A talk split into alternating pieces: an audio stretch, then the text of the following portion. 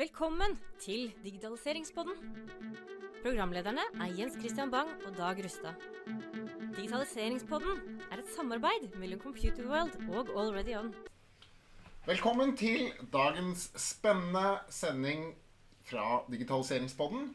Som vanlig sitter eh, Dag Rustad og undertegnede Jens Christian Bang i eh, studio. Du var jo borte forrige sending. Det var litt uh, surr i kalenderen. Er godt å ha deg på plass igjen. Kalender er, kalender er noe herk noen ganger. Ja. Sånn er det. Ja. Men vi er på plass, og vi har en eh, Jeg gleder meg så mye til denne sendingen. Det gjør jeg hver gang, da, men, men, men det liksom, noen ganger så er det sånn ekstra sånn der, Jeg skal ut på et felt som jeg bare gleder meg til å snakke om. Vi har jo Ja. ofte businessfolk. Ja. Men dette blir ikke business. Nå er vi inn på fag Ja, altså og tanke biologi. Ja, jeg tenker på at nå, jo, nå har liksom valget lagt seg, og vi har liksom stabilisert oss litt igjen. Og, og det har jo blitt et veldig sånn grønt landskap. Etter valget? Ja, etter valget. Så det passer helt perfekt å, å, å gå litt inn i, i de grønne diskusjonene. Inn i biologiens biologien. verden Mhm. med digitalisering. Mm. Ja. Og da kan du få lov til å bare introdusere gjesten, du. ja, takk. Ja. Eh, vi har en spennende dame fra Kragerø på, på plass. Hun er eh, glad i båtliv. Hun er glad i naturen, tror jeg vi kan, eh, kan si. Eh, og hun, hun kommer fra akademi, akademia. Og, eh, og, og også anbefalt av Sunniva, Rose. Så hun er vel nummer to som Sunniva Rose har, eh, har fått inn i studio. Ja, ja, det stemmer nok, det. Hun satt ordentlig footprint etter seg. Ja. Eh, hun har også Jeg bare sjekket, eh, googlet henne før, før sending og fant ut at hun hadde vært på Abelstårn. Så jeg var rett inn på den eh, så på Abelstårn der. Mhm. Og så bare spolte jeg litt fram, og da mm, Der hun pratet der Det hadde jeg hørt på Abelstårn tidligere. Og jeg husket det innlegget. Men da visste jeg jo ikke hvem du var. Nei. Så da vil jeg gjerne introdusere, introdusere Julie Sørli Paus. Eller glemte jeg et, et Det er veldig langt etternavn. Ja. Julie Sørli Paus bindestrek Knutsen med D. Sånn var det. Mm. Takk. Velkommen. Takk, takk. Julie, du eh, Forresten, du er nylig blitt mamma. Jo, Ja. det har jeg. Gratulerer med det. Tusen takk. Eh, har du begynt å komme tilbake til deg selv igjen, eller sånn etter eh? Ja, jeg har Ja. egentlig kost meg ganske mye i permisjon. Pleie det sosiale nettverket. Det er veldig viktig å gjøre. Men i går så kjente jeg at nå kan jeg godt Nå hadde det vært gøy å gjøre noe igjen. Så det var jo perfekt at jeg skal gjøre det her eh, i dag. Ikke sant? Mm. Ehm, du, som Jens Kristian sa, du, du kommer fra, fra Kragerø. Mhm. Vokste opp der. Mhm. Ehm, glad i det våte element i, i sjøliv og, Ja. og båt. Både seilbåt og vanlig. Ja.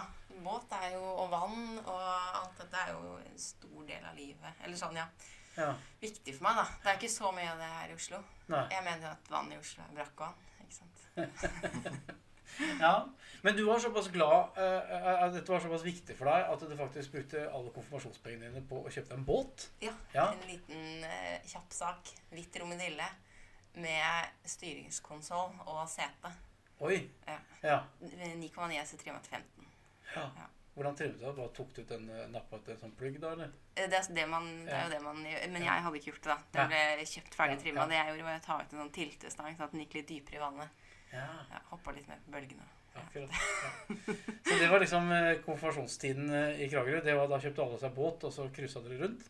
Jeg tror ikke det var så mange som kjøpte seg båt, nei. Det jeg, tror ikke, jeg vet ikke om jeg kjente så mange andre som gjorde det. Nei, Nei. De andre hadde hvert fall de jeg kjørte med. Jeg bodde en periode på en øy. Skåtøy. eh, Telemarks største øy. Og da ble jeg kjent med øyfolket. Og de kjøpte seg jo båt. Mm. Så det var på en måte de jeg var ute og kjørte med. da Mens de byfolket, de det var ikke så mange av de som hadde båter. Eller de som hadde båter der, det var sånn de sykt fancy båtene. Ikke sant? Ja. De som hadde litt penger.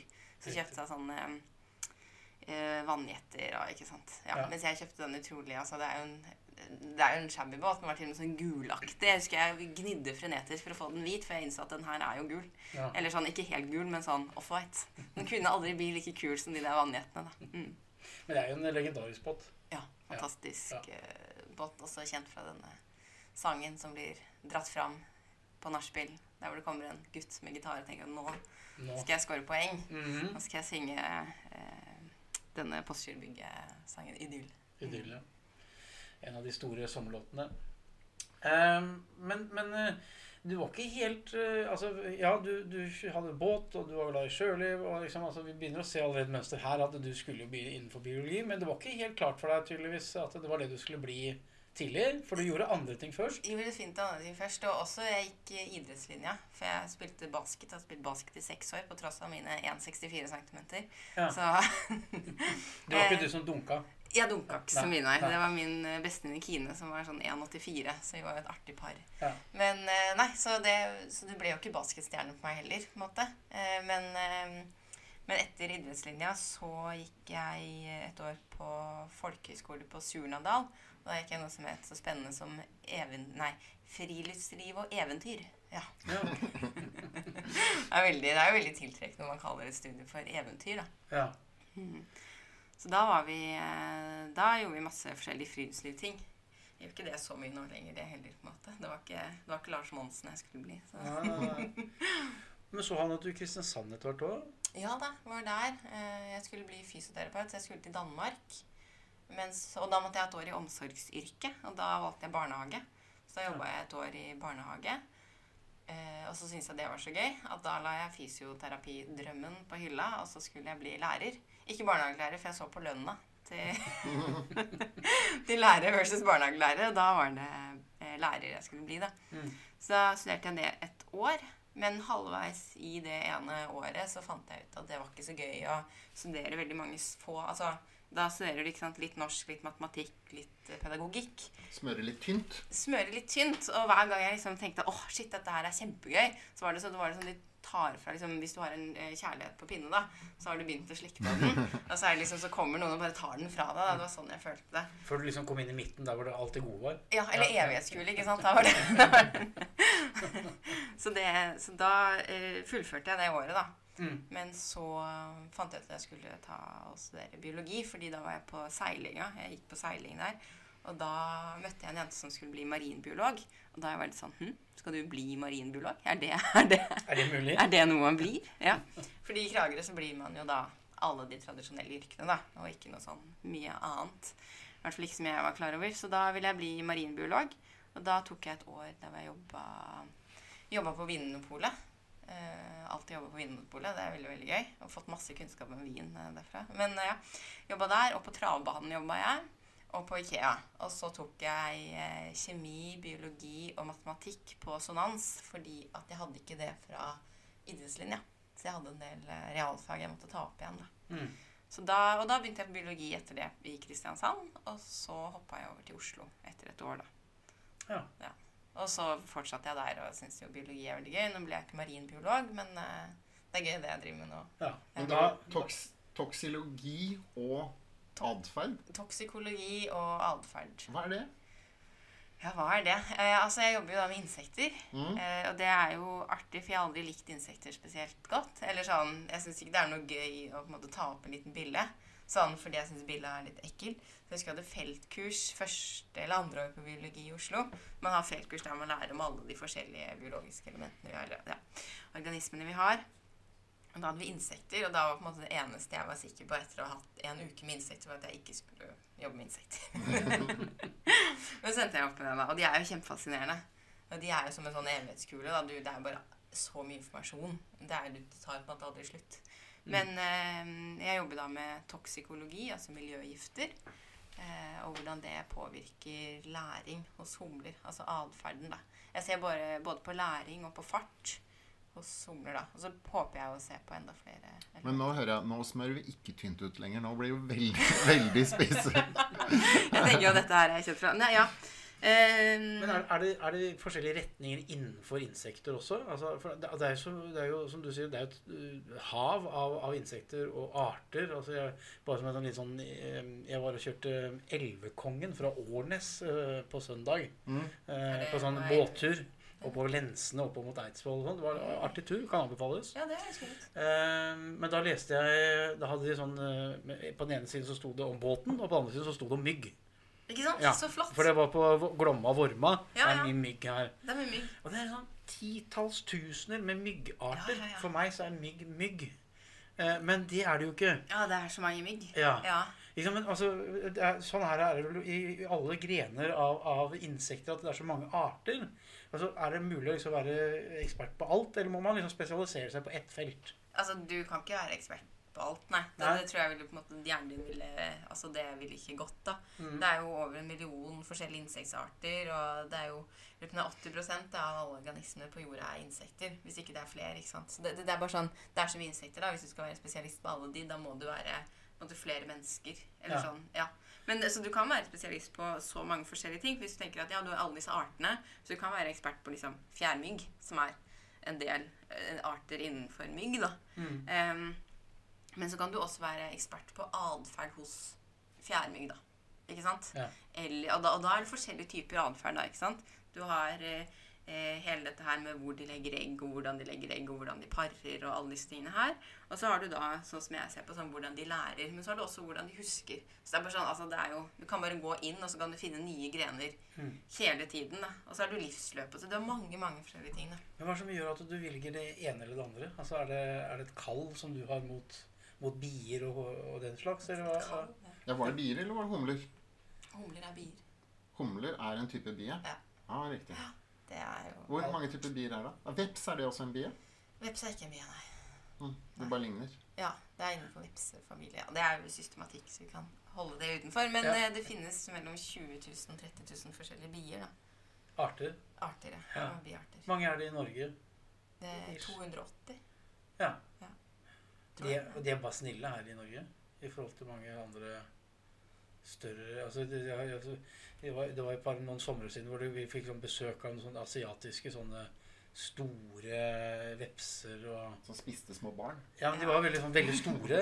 Vi var opp til to-tre centimeter Nei, fire-fem lange. Ikke sant? Du har, ja, du har jo geitrams i Norge som er den største vepsetypen, og den jo, stikker jo kraftig fra seg. Men Mm. du har jo disse jeg tror det er de afrikanske Var det, ja, det var mulig det var afrikanske. ja, afrikanske bier, som jeg husker også for noen år siden var veldig stort om. Men da fikk vi de i Norge også. Det Mm. klarer vi. Nei. Mm. Men eh, ja, de er farlige. Men de er jo ikke Altså, de vi har i Norge, er jo ikke farlige med mindre du er allergisk.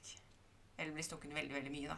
Altså Mm. hvis du kommer over et sånt jordvepsebol, men det er jo veps igjen, da, så, så kan det jo bli Altså, de går jo Det er attack.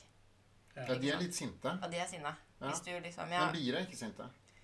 Eh, De er, mindre, de er jo mindre sinte, men du har forskjellige typer bier. da. Altså, hvis du ser på honningbier, eksempel, som er tannbiene våre, det er oppdre- oppdrettsbiene, på en måte, og de driver man jo avl på. da. Og da prøver man å avle fram snille eh, honningbietyper som man har i byen, f.eks.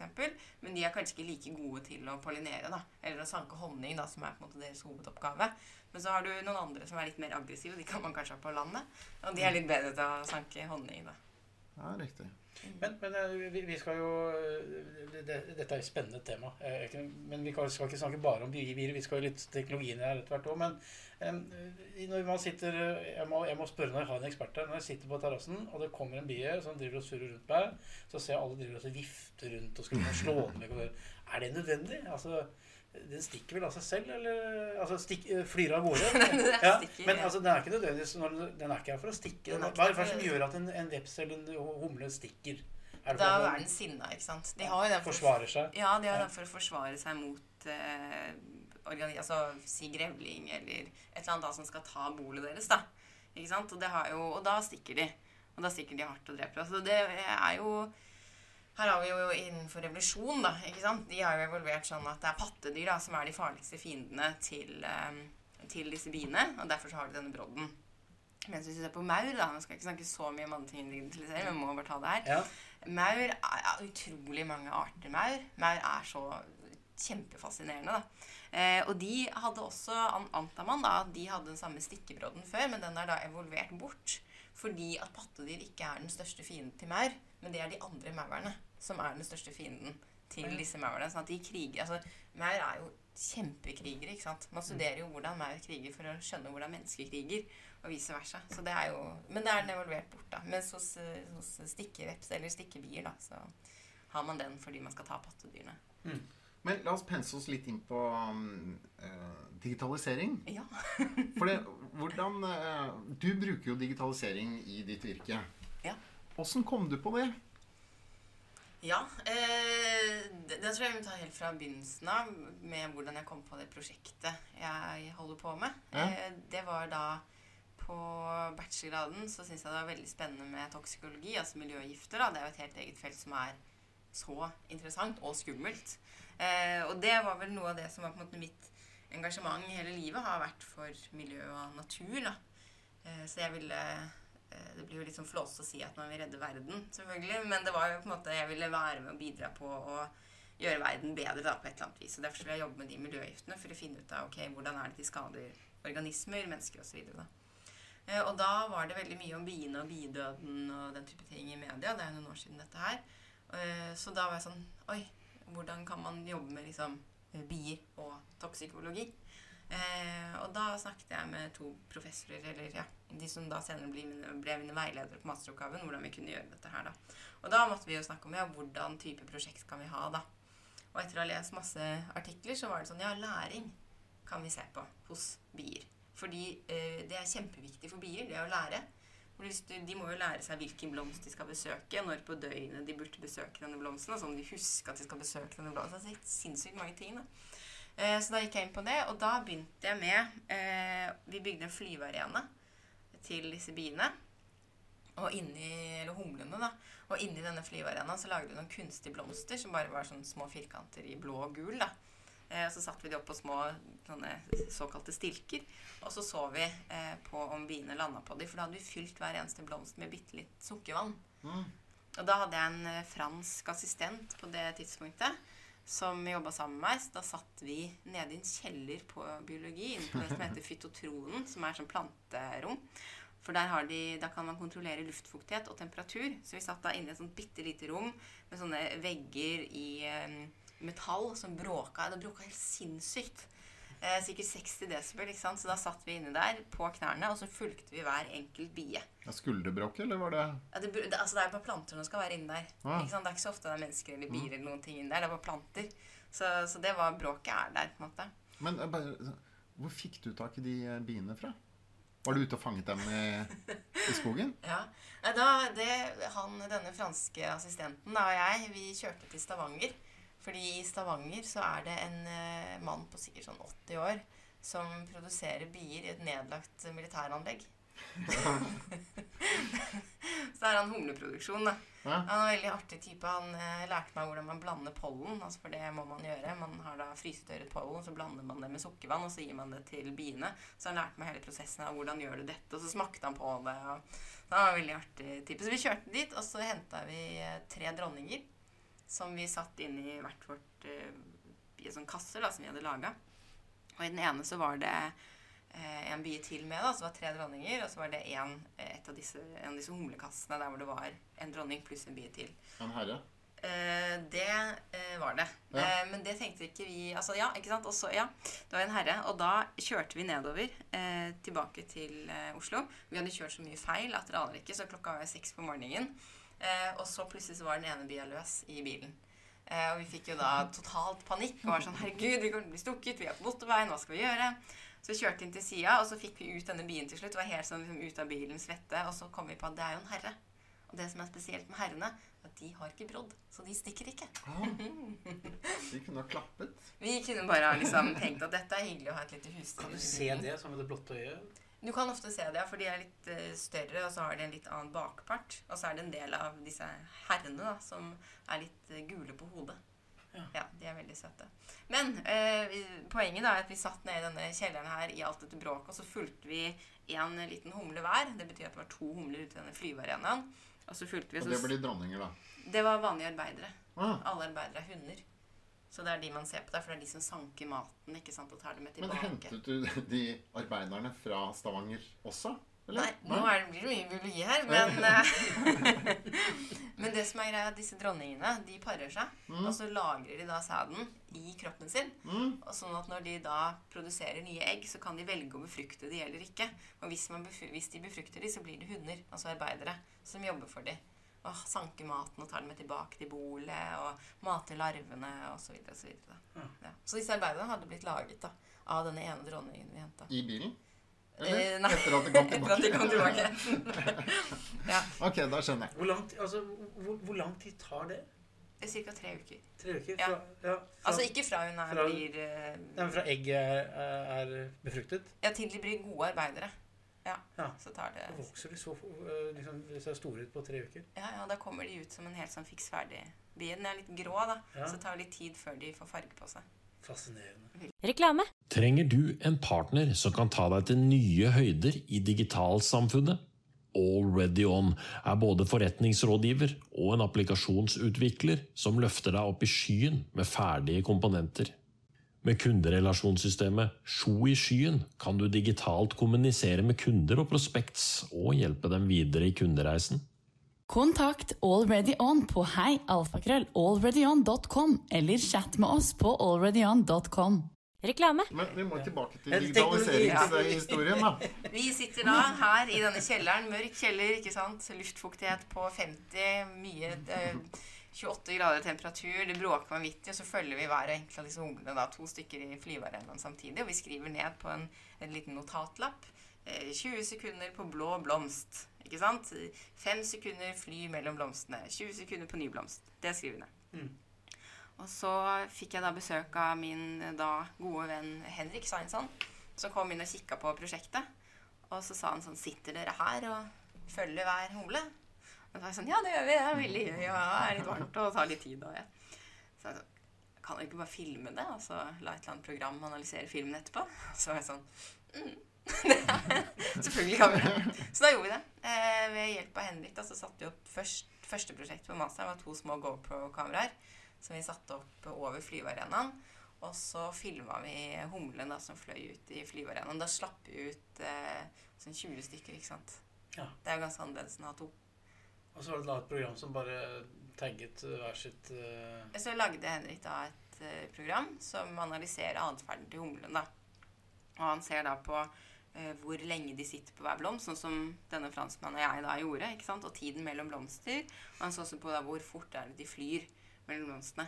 Så vi, nå har vi fått masse data. Sånn hastighet hos humler som flyr, det er det ingen som har gjort før. Så det er veldig kult at vi har den, og vi ser da en tydelig endring i hastigheten når de blir utsatt for sprøytemidler, fordi det er sprøytemidler jeg da fôrer de med. Ah, Så, men da har vi da dette programmet og, som han da har laget, som analyserer alle videoene. Så det er bare for meg å på en måte mate dette programmet med eh, film, og så får jeg ut alle disse kule dataene. Og det effektiviserer arbeidet mitt utrolig mye. men hvordan greier filmen, filmen, eller hvordan greier programmet å identifisere hver enkelt uh... Den identifiserer ikke hver enkelt humle. Det er liksom neste step. Da, så vi håper å kunne ta i bruk eh, AI Mm. for å få den til å identifisere de forskjellige humlene. Men nå analyserer den bare hvert enkelt bilde. da. For de ser ganske like ut.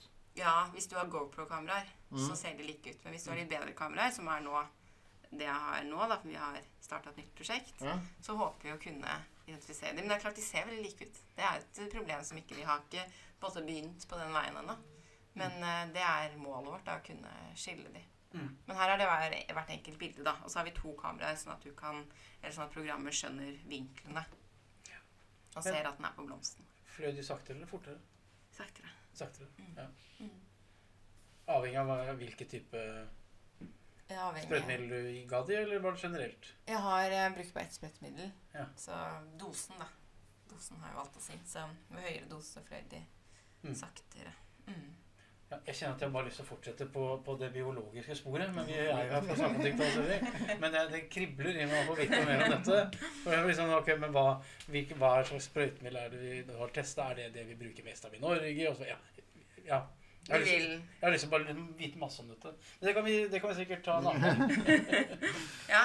Nei, Med digitaliseringen så er jo målet vårt da, som sagt, at vi kan bruke AI for å identifisere hver enkelt humle. Fordi da kan vi få eh, tracks, altså da kan vi følge humlene eh, og se på en måte hver enkelt eh, humles vei. da. Mm. Og se ok, eh, denne her, hvilke blomster besøker den? Besøker den de gule blomstene først? Mm. Eller besøker de blå blomstene først? Fordi eh, læringen i dette prosjektet da, det går da ut på om de klarer å gjenkjenne fargen som tilhører nektar. Altså I de blå blomstene så har vi nektar, og i de gule så har vi bare vann. Så vi sjekker da klarer de å lære at det er på en måte de blå blomstene skal gå til. Og ikke de gule. Men Det kunne jo vært lukten òg. Det kan også være lukten, ja. Men poenget er da kjenner de det også, ikke sant? Lærer de at eh, For de lærer farger. Så lærer de at eh, det er den blå eller den gule. Men det kan selvfølgelig være lukten.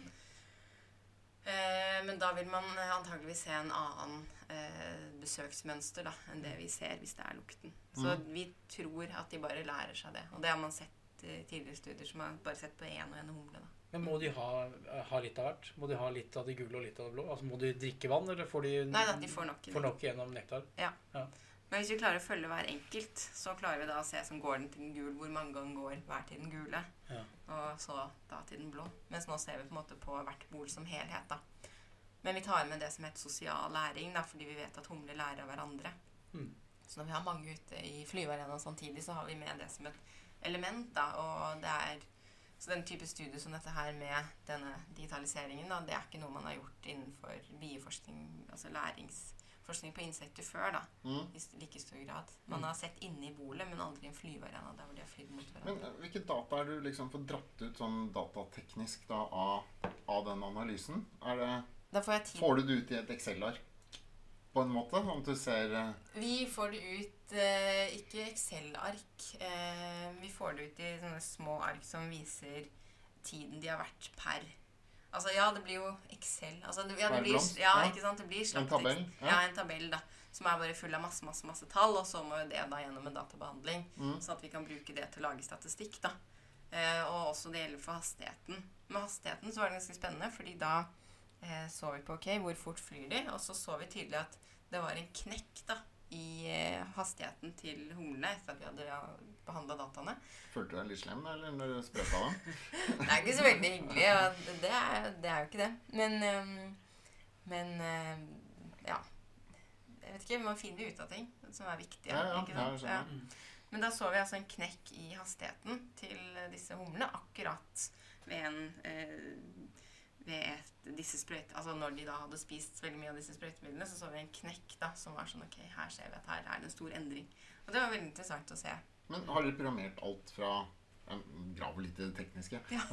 har dere programmert alt selv, eller er det et ferdigprogram som du bruker for å har- for eksempel analysere farten? Nei, dette er noe da Henrik har laget, og det han utvikla. Han har jo brukt, brukt pakker i Python, f.eks., Mm. men så da skrevet videre kode. For, Ja, så er det er Python som har utviklet i. ja, blant annet Python, ja. Ja. Mm. Men det er på en måte han som har gjort det. Jeg bare bruker Ja, ja. å se mulighetene som, som ligger der, da. Men den, den gjør analyse av film, og så må man greie å plukke ut en bie, og så regne ut avstanden og hvor lang tid den bruker for å finne ut hvor fort dette går? går. Det er jo korrekt. Det er veldig kult. Det høres jo veldig avansert ut. Ja, jeg tror ikke det er så avansert. Man bruker dette her i andre dyrestudier også. Rotter, f.eks., så bruker man eh, lignende. Altså, Tingen var at vi ville ha et program egentlig som allerede finnes der ute fiks ferdig. Som ikke er, det er ikke like bra som det, som det vi har laget til vårt formål, da. Men det kosta dem 50 000, ikke sant. Oi. Så derfor så var det sånn, ja. Da så var han sånn Ok, det koster 50 000, la meg prøve å lage dette her, da. Og så klarte han det. Ja. Mm. Så det er ganske mm, stilig. Og jeg har sett andre som har prøvd å digitalisere læringsforskningen hos somler. da, og De har brukt robotblomster istedenfor. Sånn at de da har ser på når hver enkelt bie lander på denne robotblomsten, og så har den, på en måte, kjenner den roboten da, at nå er det en bie her. Så det er en sensor i blomsten? Mm. Ja. Mm. Som er en annen approach da, Mm. mot på en måte det samme.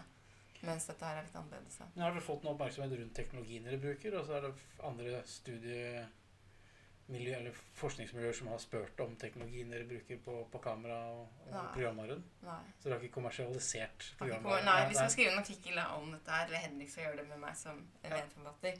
Så får vi se. Men jeg hadde Jeg presenterte på en konferanse eh, akkurat dette, denne teknologibiten, da. Og da var de interessert, men ikke sånn. Det ingen, jeg har ikke fått noen mail og vært sånn hva gjorde du her? Ja. For det er jo Jeg vet ikke, jeg tror det kan være vanskelig å se mulighetene det gir, rett og slett. Jeg tror at hele biologien og forskningen rundt biologi og læringsstudier og andre typer studier har utrolig mye potensial. da. At man kan hente ut kjempemasse hvis man bare tar i bruk programmering og den type ting. da. Ja, for det, det snakket vi om litt om på sending, at altså, med all respekt for biologifaget, eh, det har vært et fag som kanskje ikke har vært så veldig innovative i forhold til å ta i bruk teknologi, men Mm. der ser man en ny trend. Ja, nå definitivt. Altså, her er det jo kjempe... Altså, det blir jo brukt nå mye, mye mer. Og mye innenfor eh, neurobiologi, f.eks., så er det jo masse. Mm. Mens Hva er neuro? Altså nervesystemet. I bier eller mennesker? Mennesker. Eller, ja. Mennesker. Dette som de Mosul-paret fikk eh, Nobelprisen for, f.eks. Ja. Ja. Vi har jo også et senter på UiO som heter Sinplan, som jobber med nettopp eh, dette her. da. Eh, nervebanene hvordan, hvordan nervebanene eller endrer seg eh, på bakgrunn av påvirkning utenfra. Og da bruker man bl.a. modellering. Og de har også en sånn veldig kul greie der hvor de setter elektroder ned i hjernen på rotter. Så de går rundt med en sånn stor slags ly lyspære på hodet. Ja, Ja. ja, og, så, og så ser de da hvilke mm, signaler som blir sendt til hjernen. Eh, Og så finner de ut av plastisiteten eller eller endringsevnen til eh, nervebanene på bakgrunn av det. Mm. Så det er også da digitalisering brukt innen forskning. For nå er faktisk programmering blitt en del av studiet Ja, på, på biologi. ja, det begynte jo på fysikk, og så har det på en måte spredd seg videre. Så nå er det Først i bacheloren så lærer man å bruke Python, da. Eh, og det tror jeg er utrolig lurt, fordi Sånn som da jeg satt ned i kjelleren og kikka på humlen og skrev det ned på en liten notatbok, så kom det jo en inn som kunne programmering, og sa på en måte Dette her kan du jo gjøre mye lettere. Mm. Og, og det har jo da muliggjort at jeg kan få inn masse data som jeg aldri ville fått inn ellers. Og det blir et helt annen type studie med mye mer informasjon.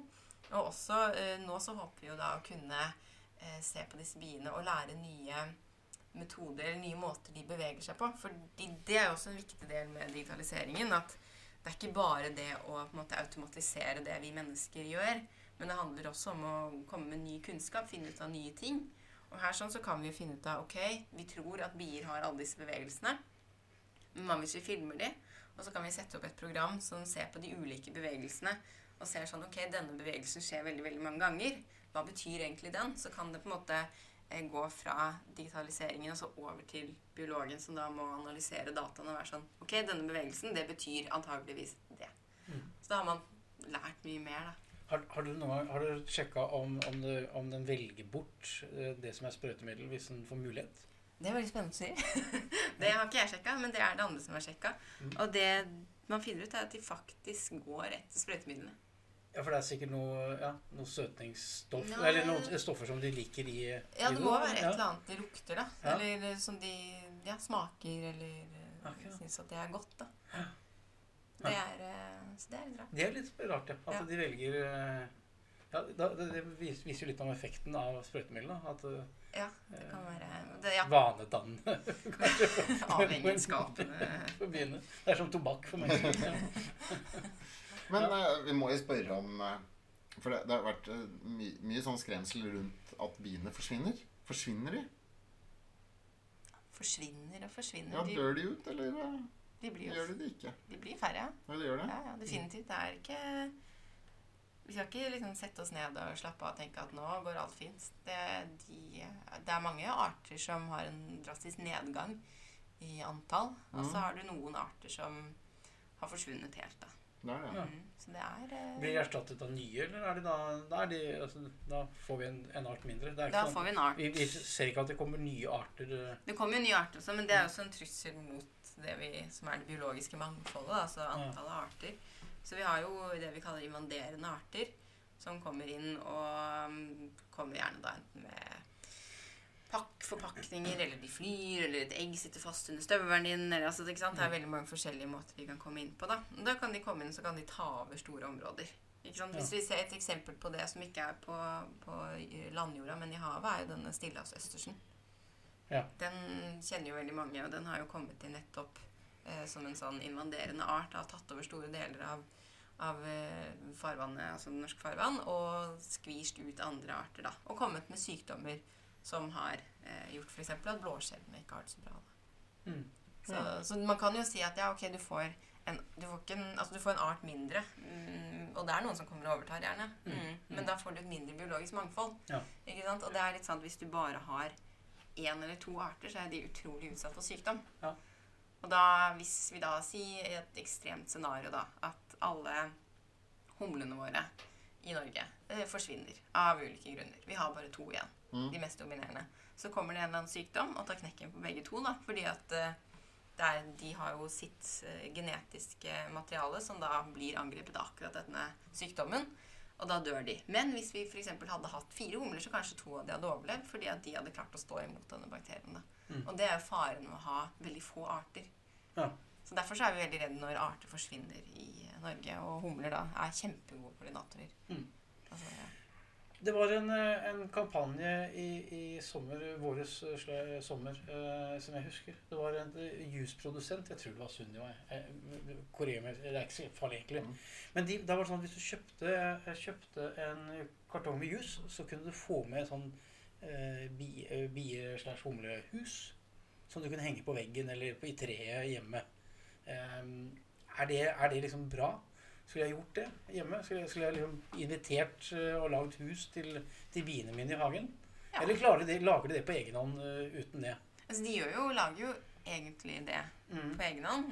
Men fordi vi har bygd ned så mye av deres naturlige områder å leve i, så kan de ikke lage det lenger. Altså Hvis vi går ut og ser en park i Oslo, da, for eksempel, så er det veldig mye grønn plen. Og veldig lite buskas og, og gamle steder der det er mye løv og musehull. Og, ikke sant? Det er jo det de bruker da, til å lage bol. Mm. Men det fjerner vi jo eh, i større og større grad fordi vi vil lage parker, eller vi vil lage parkeringsplasser, eller vi vil lage høyhus, eller vi vil lage matjord, eller ikke sant? Ikea. Ja. Så og da har ikke de noe sted å bo lenger. Nei. Og Så, da er det viktig å, så, å Så, så da, det, er, det er godt tiltak, rett og slett. Ja, ja, Ja. ja. Så vi skal ikke luke bort, uh, luke bort blomstene heller på plenen? Løvetann? Jeg visste at du skulle si akkurat det der. Ja. Jeg har, lagt, jeg, har, jeg, har, jeg har nemlig anlagt ny, ny, ny, ny plen hjemme.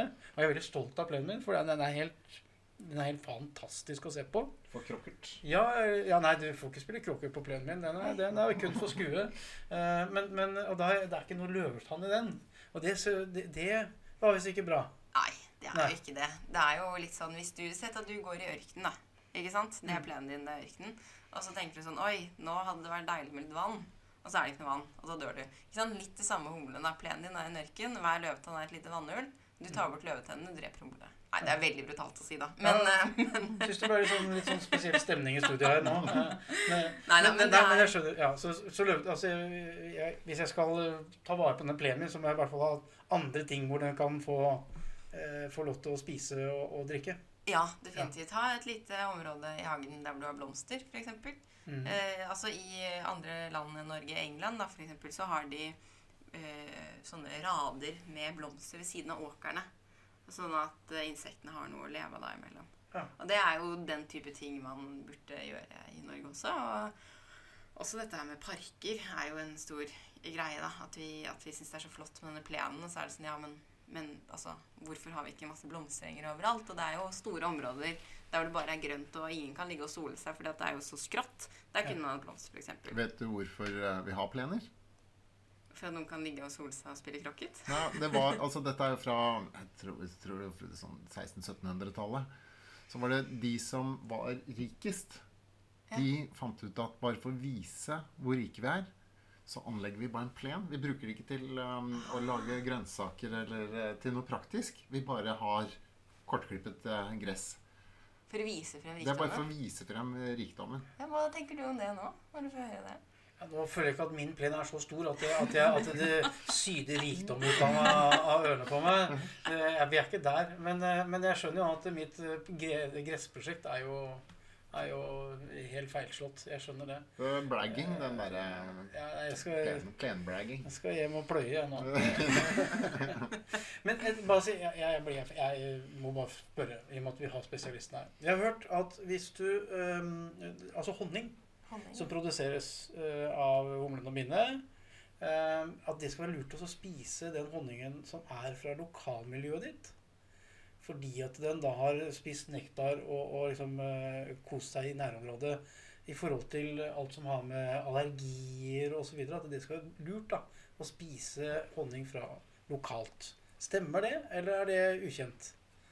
Ja, dette har jeg aldri, Du har aldri hørt det? hørt om. Nei? Nei, men nå er det honningbier. Det er på en måte ikke mitt felt. Eh, Det er, ja, det er jo opptil Eller sånn, ja. Det kan hende at denne honningselgeren har lurt meg. Det kan hende. ja, Det er veldig ja. mye myter omkring honning. Ja. Det er det. Man sier jo at jeg er heller spist honning enn sukker. Og ikke sant? det er mye mye bra i honning. Og, altså ville, hvis du på en måte skal gå inn på en sånn Nå skal jeg spise honning for å være frisk og eh, null allergen. Da ville jeg tatt en liten sånn søk i eh, vitenskapelige artikler og så sjekka om det faktisk har hold. da, Eller om det bare er en sånn altså, Fordi det er mye rart rundt disse honningbiene. Som for eksempel så står det på veggen til mathallen. De har jo honningbi på taket. Eh, Der står den sånn Vi tar vare på det biologiske mangfoldet i Oslo. Vi har honningbi på taket. Og det er jo Det er jo på en måte Altså Det er jo litt løgn. Fordi at det er jo bare Honningbier er jo bare én art. Ah. Vi har 280 forskjellige arter i Norge. Hvis, tar du vare på det biologiske mangfoldet hvis du har én art på taket?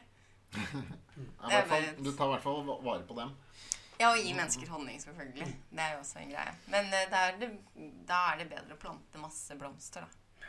Hvis du eh, har Men biene kan jo, eller, kan jo brukes til ting for menneskene, siden de har noen evner som ikke vi har.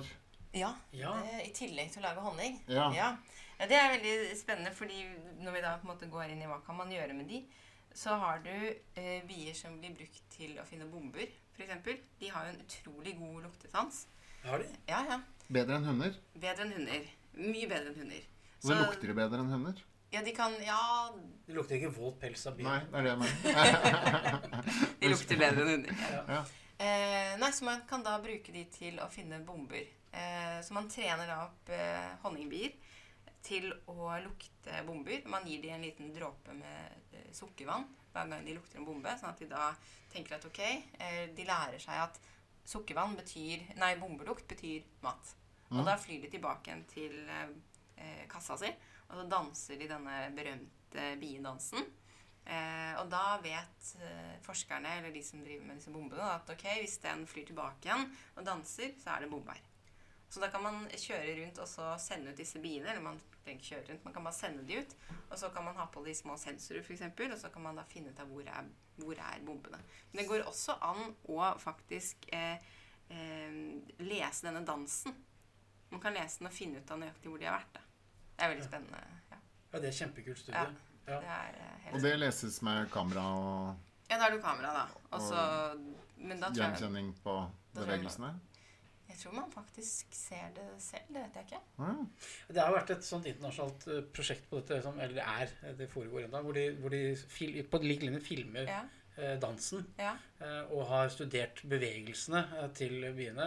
Men er det da Er det mennesker som ser bevegelsene, eller Ja, det er et stort eh, sånt eh, big data-prosjekt. da, at De samler masse data, og så har de analysert dette over Ja, tid. de ja, okay. Ikke sant? Og så har de funnet ut at den dansen, hvis den danser Jeg vet ikke, ja, men la oss si at dan danseren til høyre og danseren i en viss eller annen formasjon og sånn, Så det den angir, er da hvor var maten hen? Ja. hvilken retning er det, og hvor langt er det dit? Ja, men er det da på en måte Er det Bilder. Det bildegjenkjenning, eller Det er bilder. professor som sitter og ser på? Det er ikke professor som sitter og ser på. Det er bilder og, Ja. og big data som da, samles inn. Det blir jo litt sånn som det prosjektet ditt, bare i en mye større, større, skala. da. ja. Fordi de ser også da på hvor har de vært hen. Altså har de flydd kilometer av gårde. Eh, så må de jo liksom kartlegge det. Ja, nettopp. For det var det. De hadde et lignende prosjekt i Oslo også. Mm. Eh, og da var det antakeligvis bildegjenkjenning de brukte da også, da. For å se hvor er det biene i Oslo flyr. Og da fant de ut at ja, jøss, det er noen byer som faktisk flyr helt fra sentrum og ut til Nordmarka og samler lyng der, ikke sant. Ja. Ja. Og se da på dansen og se hvor de har vært hen, hvor mange kilometer jeg fløy. Men tilbake til disse bombene. Ja, bomber. Ja. Hva er de, eh, har vi bier på flyplassen i, på Gardermoen? Det eh, har vi ikke. Men, men det var jo et prøveprosjekt på en flyplass i Sverige, tror jeg. Der hvor de hadde altså bier. De hadde en håndholdt humledetektor. Eh, og det er veldig, veldig kult. Så de hadde da eh, Har de teipet fast en humle på en pinne? Det høres jo veldig, veldig Det høres sånn ut, lyttestav Men, eh, eh, når man skal lete etter vann. liksom. Ja. nei, altså, eh, det humler gjør hvis de lukter, eller hvis de smaker da på, på nektar, det er at de stikker ut tunga si. Ja. Og da var det altså en liten sånn sak de hadde i hånda, en liten boks, og inni denne lille boksen så bodde en liten humle. Det høres ut som en barnehagehistorie, ikke sant? Det begynner som en barnebok. um, og denne humlen her hadde da blitt trent til at hver gang den lukta en bombe, så stakk den ut tunga, for da trodde den at den skulle få mat. Uh, Så når de da uh, holdt denne detektoren over i bagasje, hvis den da lukta bombe, stakk ned tunga, og så var det da en sensor eh, akkurat der hvor tunga eh, traff, som da gjorde at det blinka et lite lys på toppen av denne lille håndholdte detektoren. Så man visste at det var bombe. Du, tenk deg, tenk deg altså, her, her står det da en kar eller en dame med en sånn, eh, sånn superintelligent uh, hifi eller high science fiction-sak som du driver som skanner etter bomber. Og så er liksom hemmeligheten at det er en bie som bor inni der. Det er liksom ikke, noe- det er ikke noe sånn der science fiction og sånne kjempeprogrammer eller noe. Det er en bie som en bie som bor Har du sett den boksen, eller? Eh, Jeg har sett bilde av den, men jeg tror det var veldig sånn prototype. Så jeg vet ikke om dette kommer til å bli veldig stort. Men var den gjennomsiktig? så du kunne Nei, nei, nei. Den er mørk. mørk. Men den, den kan da trenes opp til å lukte bombe, men det kan sikkert narkotika og Ja, alle ting Ja, det er narkotika og lik eh, også. Ja. Men da har, du ikke, da har du den samme teknologien med denne bidansen, At du sender ut honningbiene, og så flyr de tilbake igjen. Og så hvis de da har funnet et lik, f.eks., så analyserer du hvordan de danser. Ja. Og så eh, sier du at ok, greit, da må vi gå i den, den retningen. Og så finner de liket, da. Sykdommer og sånne ting, er det mulig å De kan også ta det med sykdommer. De har gjort eh, studier på kreft, tuberkulose diabetes. Der hvor de har trent opp eh, biene til å danse hver gang de eh, lukter f.eks. diabetes. da. Så danser, flyr de tilbake igjen til bordet sitt, så danser den lille dansen sin. Så da har de på en måte eh, hatt eh, altså sprøyta både lukt av diabetes da, og gitt de mat samtidig. Så da er det sånn at pasientene blåser inn i en stor glasskule, og inni denne glasskulen så er det en liten bie. Mm. Eh, og hvis du har da diabetes eller kreft, da, så vil den danse Nei, så, unnskyld, så vil den fly tilbake igjen til bordet sitt, som er i andre enden av glassbobla der hvor du puster. Og så vil den danse den lille dansen sin. Da vet jeg at ok, da må vi undersøke deg videre for kreft, da, for eksempel. Jøss. Men er disse studiene så anerkjent at det har blitt tatt bli tatt i bruk i medisiner? Nei, jeg tror det er en lang vei igjen Ja. eh, dit, altså. Det tar jo veldig mange år. Men eh, det er prototyper, da. Ja. Det er ganske Men det er fantastisk stilig. spennende. Ja, ja, ja. Ja, det er helt utrolig.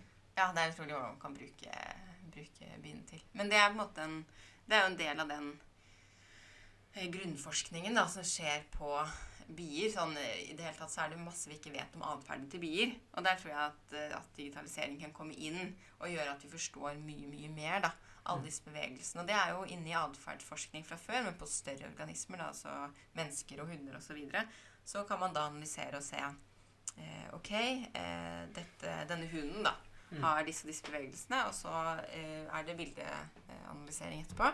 Og så ser man at ok, nå lager den ganske mange forskjellige bevegelser som vi aldri har sett. Altså Vårt menneskelige øye har aldri sett at de, den hunden lager denne type bevegelser. Hva betyr det egentlig? Og dermed så kan vi lære mer om atferden til hunder eller mennesker. Eller lære mer om deres indre liv. da. om det er. Det mulig å eh, eh, Altså sånn teoretisk, er det mulig å, å gjenskape luktesansen til en bie? For å kunne bruke den Oi. teknologien? Ja, det, Med tanke på sykdom og Ja, ja. Altså, ja. Mekanisk, mente du? ja, altså de, rett og slett gjenskape det. Da må man jo på en måte lage en egen Altså bygge opp sanser. Kanskje vi bare da. fant på et helt nytt eh, studie for deg nå? Ja. ja, men, men det er altså en interessant tanke at Ja, ja. man faktisk kunne eh, brukt den teknologien til å faktisk da, avdekke sykdommer. Mm. Mm. Ja, da må man bygge opp disse sansereseptorene. Det kan jo være sikkert mulig. Ja, jeg- jeg- altså, jeg tror, ja, jeg alt er mulig. Spennende tanke. Mm. Flere Eh, dyr inn i menneskenes tjenester. Det er jo i hvert fall en symbiose som gjør at vi tar vare på dyrene litt grann lenger. ja, fantastisk spennende. Dette her er, ja, det er kjempe... Men, men ja, altså, eh, for å bare eh, utfordre eller spørre eh, hva, er liksom, hva er motivasjonen din for å studere dette? Er, det, er, det liksom, er du på jakt etter å knekke en eller annen spesifikk kode innenfor for faget du eh, jobber med nå? Tror det, det, begynte jo med, en, med et sånt miljøengasjement. ikke sant? Så Mm. målet er jo da akkurat de sprøytemidlene jeg jobber med. De, da jeg begynte å jobbe med de, så var de eh, lovlige i EU. Nå er de ikke lovlige i EU. Det er ikke min fortjeneste. men, eh, men det har jeg jobba veldig veldig mye med. da. De har lov i resten av verden. Så det var på en måte startmotivasjonen min. Og det var nettopp det at vi må eh, jobbe for å finne ut av hvilke sprøytemidler eller plantevernmidler da, som er farlige, og hvilke man kan da eh, forby. Mm. Eh, og det er fortsatt en del av motivasjonen, men, men nå som jeg har begynt å interessere meg for akkurat dette med atferd og hvordan man kan lære mye mer enn det man kan se med det blotte øyet, da, så er det på en måte det som er greia, at jeg har lyst til å være med å utvikle eh, forskningen på læring og da ta i bruk eh, digitale hjelpemidler og finne ut av enda mer om, om dette her. Da. For det er et ganske felt der hvor du har der hvor det er veldig lite fra før. Så Mm. det er ganske stort potensial innenfor akkurat dette feltet. Så nå har jeg bare lyst til å gjøre det, egentlig. Ja. Ja. Og, men sprøytemidler er også viktig, selvfølgelig. Men Mm. eh, ja. Jeg ser at vi nærmer oss uh, slutten. Men vi har uh, standardspørsmålet. Ja. Hvis du skulle høre på Digitaliseringspodden, og jeg vet jo du har hørt på på allerede den, ja. ja. Men hvis du skulle velge en gjest som du hadde lyst til å høre, hvem ville du hatt inn da? Det er jo flere, eh, men eh, jeg tenker umiddelbart på en som heter Alexander Jansenius, som er, eh, jobber på Universitetet i Oslo. Ja. Han er førsteamanuensis der og er nestleder for et prosjekt som heter Ritmo. Der man ser på hvordan rytmer eh, Altså de ser på masse forskjellig rundt rytmer, da. Men blant annet så ser de på hvordan rytmer påvirker tidsoppfattelsen hos mennesker. Og så har de også noen eh, Se på hvordan rytmen påvirker roboter. Fordi at alt, Hvis vi tenker på alt vi gjør som mennesker, når vi puster, det er en rytme. Når vi går, det er en rytme. altså Det er utrolig mye rytmer i mennesker. da, Og dette her undersøkte vi da, hvordan rytme påvirker både oss, men også da disse robotene til å gjennomføre de tingene de gjør. Og samtidig så er det også, bruker de modellering og den type ting for å finne ut av disse tingene. Og så setter de på mennesker sånne sensorer når de danser, for å undersøke hva slags bevegelser de gjør. Så det er jo en slags sånn på Altså, Man ser en kobling der mellom, mellom det jeg gjør, på en måte, der vi ser på bevegelsene til humlene og da bevegelsene til, eh, til menneskene. da, Hvor de gjør det på en måte innenfor sitt spesialiserte, veldig store fagfelt. Men dette er mer sånn bitte, lite, bitte liten gren av det de driver med. da. Ja, det er spennende. Altså, det, det er nye skal vi si, sære områder som, eh, der digitalisering brukes, Mm. som er eh, superspennende. Og, Har du god rytme, Jens Christian? Ja, ja, det vet jeg ikke. Ja. ja. Du, er ikke, du skjemmer deg ikke bort på dansegulvet? Uh, nei, for jeg er ikke så ofte her. Nei. Nei, men Det er godt innspill. Det er kjempebra. Det høres spennende ut. Eh, Det er veldig, veldig spennende. Han er veldig ålreit type også. Hyggelig å Mhm. prate med. Så det tror Ja, men det er bra. Har du en oppfordring til Alexander? Ja, altså Hvis eh, Alexander hører på, eller noen som kjenner Alexander, så må du jo selvfølgelig da uh, be Alexander om å ta kontakt med oss på, på mail. Så, Post at alreadyon.com. korrekt. Ehm, så får vi håpe at vi hører Alexander på digitaliseringspodden eh, eh, snart. Det var kjempespennende. Ja. Dette har jo vært en eh, hjernesprengende episode i forhold til et felt vi sjelden er innom. ja Kjempespennende. var, eh, Tusen takk for at du tok deg tid. Takk for å bli invitert. Veldig trivelig. Takk for at du hørte på Digitaliseringspodden, levert av Computerworld og Already On. Vil du lære mer om digitalisering, eller planlegger digitalisering i din bedrift? Last ned digitaliseringsguiden fra alreadyon.com slash digitalisering. I løpet av 15 minutter kan du sette deg inn i de viktigste uttrykkene innen digitalisering, og ta de første skrittene i din digitalisering.